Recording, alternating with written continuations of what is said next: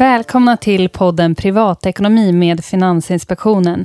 Här pratar vi med olika experter om pengar och i det här avsnittet ska vi prata om när ekonomin blir svår, när det inte längre går att betala räkningarna och hur man kan ta sig vidare. Jag heter Sofia Bruchell och jobbar på Finansinspektionen. Idag pratar jag med Kim Jonsson från Kronofogden. Välkommen Kim! Tack så mycket! Kim, du har jobbat på Kronofogden i 18 hela år och mött många olika människor i olika livssituationer. Kan du berätta om vad det vanligaste skälet är till att man hamnar hos er på Kronofogden? Mm. Eh, ett av de vanligaste skälen till att man får skulder hos Kronofogden det är att man har fått en ekonomi som har blivit förändrad. Man kanske har gått igenom en skilsmässa, blivit arbetslös eller blivit sjukskriven och på så vis fått en sämre ekonomi och inte hunnit ställa om. Ja, sjukdom, arbetslöshet, skilsmässa, det är ju händelser som vi alla kan råka ut för, som dramatiskt ändrar ekonomin. Men varför är det sån tabu egentligen att prata om skulder och om pengar? Ja, fortfarande så är det precis som du säger. Det är väldigt eh, förenat med skuld och skam att ha skulder och att säga då att man har skulder till och med som finns hos Kronofogden. Det är någonting som människor har väldigt svårt att göra och det här tycker vi är ett bra tillfälle, till exempel den här podden som ni har, att lyfta det här med att prata mer pengar, att prata privatekonomi. För att det är tillräckligt jobbigt att ha skulder. Man ska inte heller behöva bära skuld och skam för att man har hamnat i en sådan situation. Nej, precis. Men skulder, det finns ju inget vaccin mot det och alla kan vi hamna där. Ehm, men hur vanligt är det egentligen att man hamnar i skuld och då också hos Kronofogden? Där skulle jag vilja säga för det första att det är väldigt många som har skulder. Men om man då tänker på skulder som finns hos Kronofogden när det liksom mm. har gått överstyr. Mm. Då är det ju ungefär drygt 400 000 individer i Sverige som har skulder. Ungefär 4 procent av befolkningen har skulder i olika storleksordningar. Medianskulden är inte faktiskt högre än 50 000 ungefär. Och 50 000 är ju förstås mycket pengar, men det är ju inte ett sånt stort belopp som, så att man aldrig kommer kunna betala av. Nej. Vi brukar också säga att uh, man kan ha problem med skulder utan att man finns i Kronofogdens register. Om man tittar på överskuldsättningsproblematiken och om man använder sig av den subjektiva mätmetoden av att vara överskuldsatt, det vill säga att man själv känner att man har problem att betala sina skulder och den här känslan är återkommande. Det är inte bara någon gång ibland, utan man har återkommande problem att få pengarna att räcka till. Då är det så många som 20 procent av befolkningen som har betalningsproblem. Så man kan alltså ha betalningsproblem utan att man finns i Kronofogdens register. Ja. Ja, då tänker jag genast på de här tv-programmen som kanske många har sett och även känner igen sig om, om skulder och konsumtion. Eh, är det något av det som du känner igen i vardagen hos er på Kronofogden? Ja, vi skulle nog vilja säga att de flesta av de som har skulder hos Kronofogden, det är inte sådana som har levt i lyx eller sus och dus, utan det är som vi sa lite tidigare här. Det är människor som har råkat ut för livshändelser, skilsmässa, arbetslöshet eller sjukdom och har haft svårt att ställa om ekonomin. Så det handlar inte om att man har levt i någon form av överflöd eller att man har eh, shoppat bort sina pengar. Det är inte den vanligaste personen som vi möter. Nej. Men om man då har en hög med räkningar som ligger där och väntar eh, och pengarna inte räcker till, vad ska man då prioritera? Mm, det där är en jättebra fråga som du ställer. För det kan ju precis vara så som du beskriver, att man har många räkningar och inkomsten räcker inte riktigt till. Och hur ska jag då prioritera? Vilken räkning ska jag ta först? Spelar det någon roll?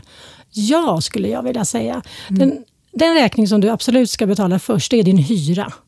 Det är jätteviktigt att man betalar hyran. För konsekvenserna av att inte betala hyran, det är att du kan bli ja. bostadslös. Din hyresvärd kan säga upp ditt hyreskontrakt vilket kan leda till att du måste flytta. Så det är absolut den räkning du ska prioritera först, din hyra. Och då gäller det även om man har en eh, bostadsrätt eller villa? Att man Absolut. Betalar. Och ofta är ju bostadskostnaden, den är oftast den största räkningen man har. Det är oftast den som kanske tar största delen av den inkomst man har. Men det är också oftast den absolut viktigaste räkningen som man ska betala. Mm. Hyran eller eh, räkningarna till hemmet helt enkelt först. Men förutom hyran, då, då vilka andra räkningar kan man tänka sig att prioritera då? En annan viktig räkning som man bör prioritera det är definitivt elräkningen.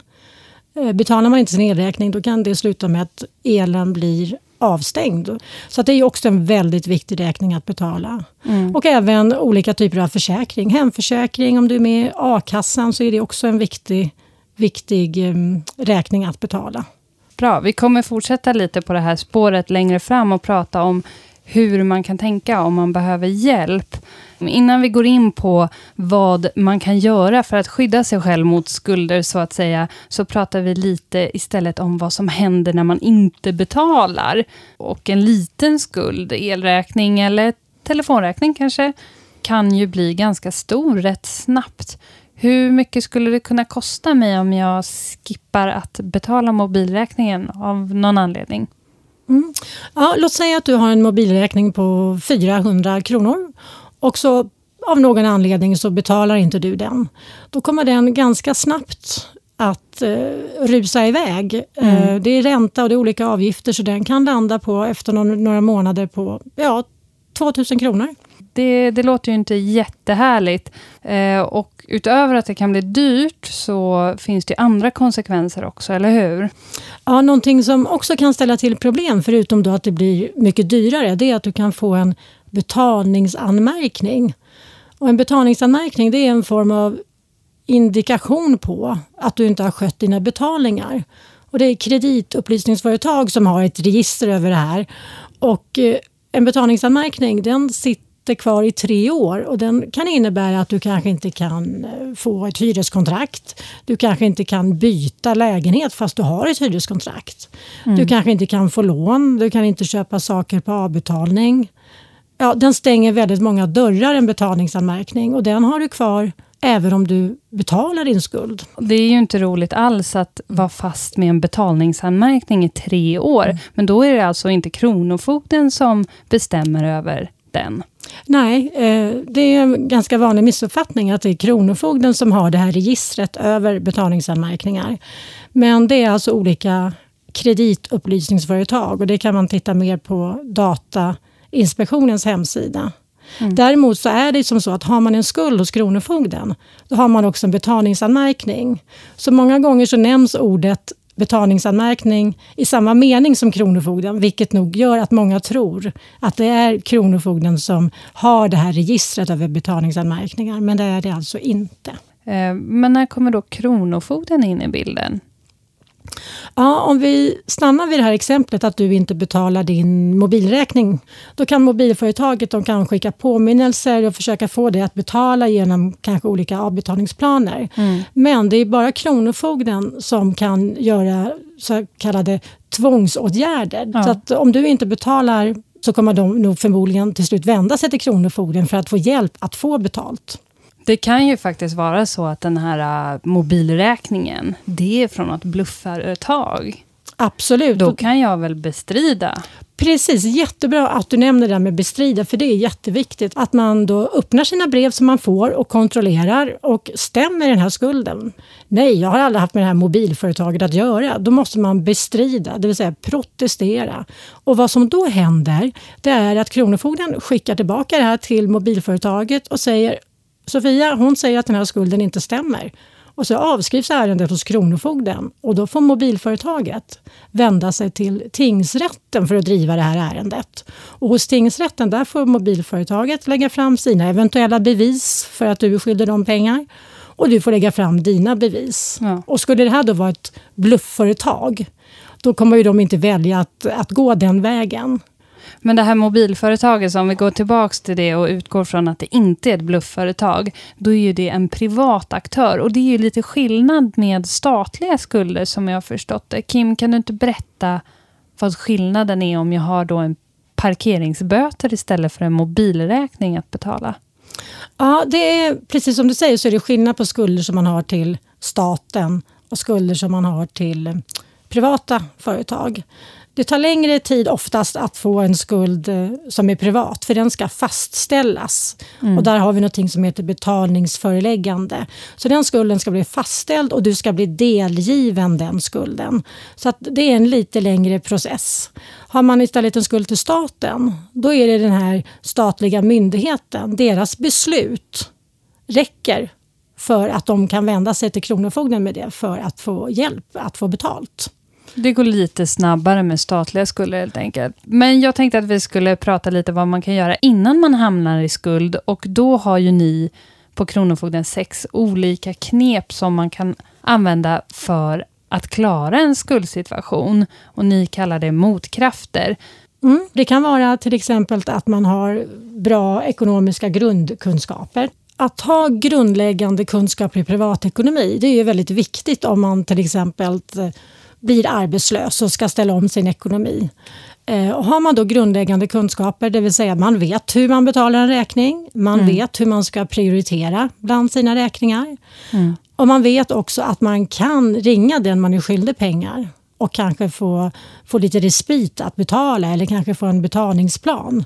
Mm. Har man sådana här grundläggande kunskaper, då står man sig ganska långt. Då har man också ett ekonomiskt självförtroende om man har lite koll på läget. Ja. Och vad kan det mer vara förutom kunskap då, som, som, som ni har sett? Ja, ett arbete eller en inkomst givetvis. Det är ju ganska naturligt att fylls det på pengar på kontot varje månad så blir ju det en motkraft till att få en dålig ekonomi. Ja.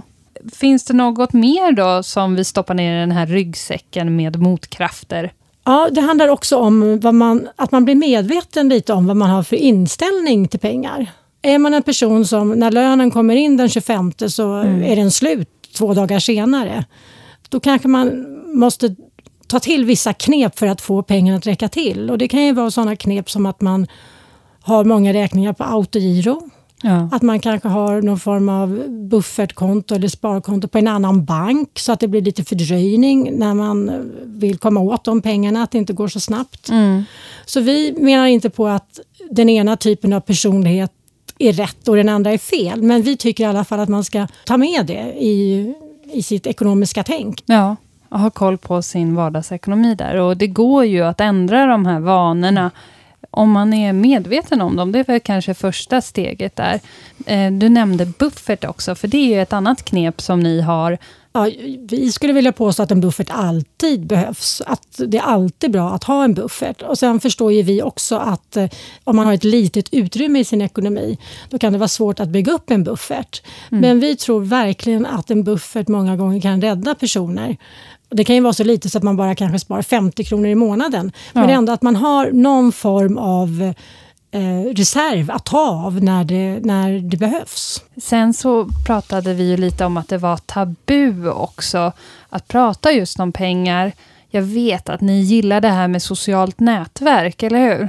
Ja, det tror vi är en jätteviktig faktor när man har en ekonomi i gungning, att man har någon att prata med.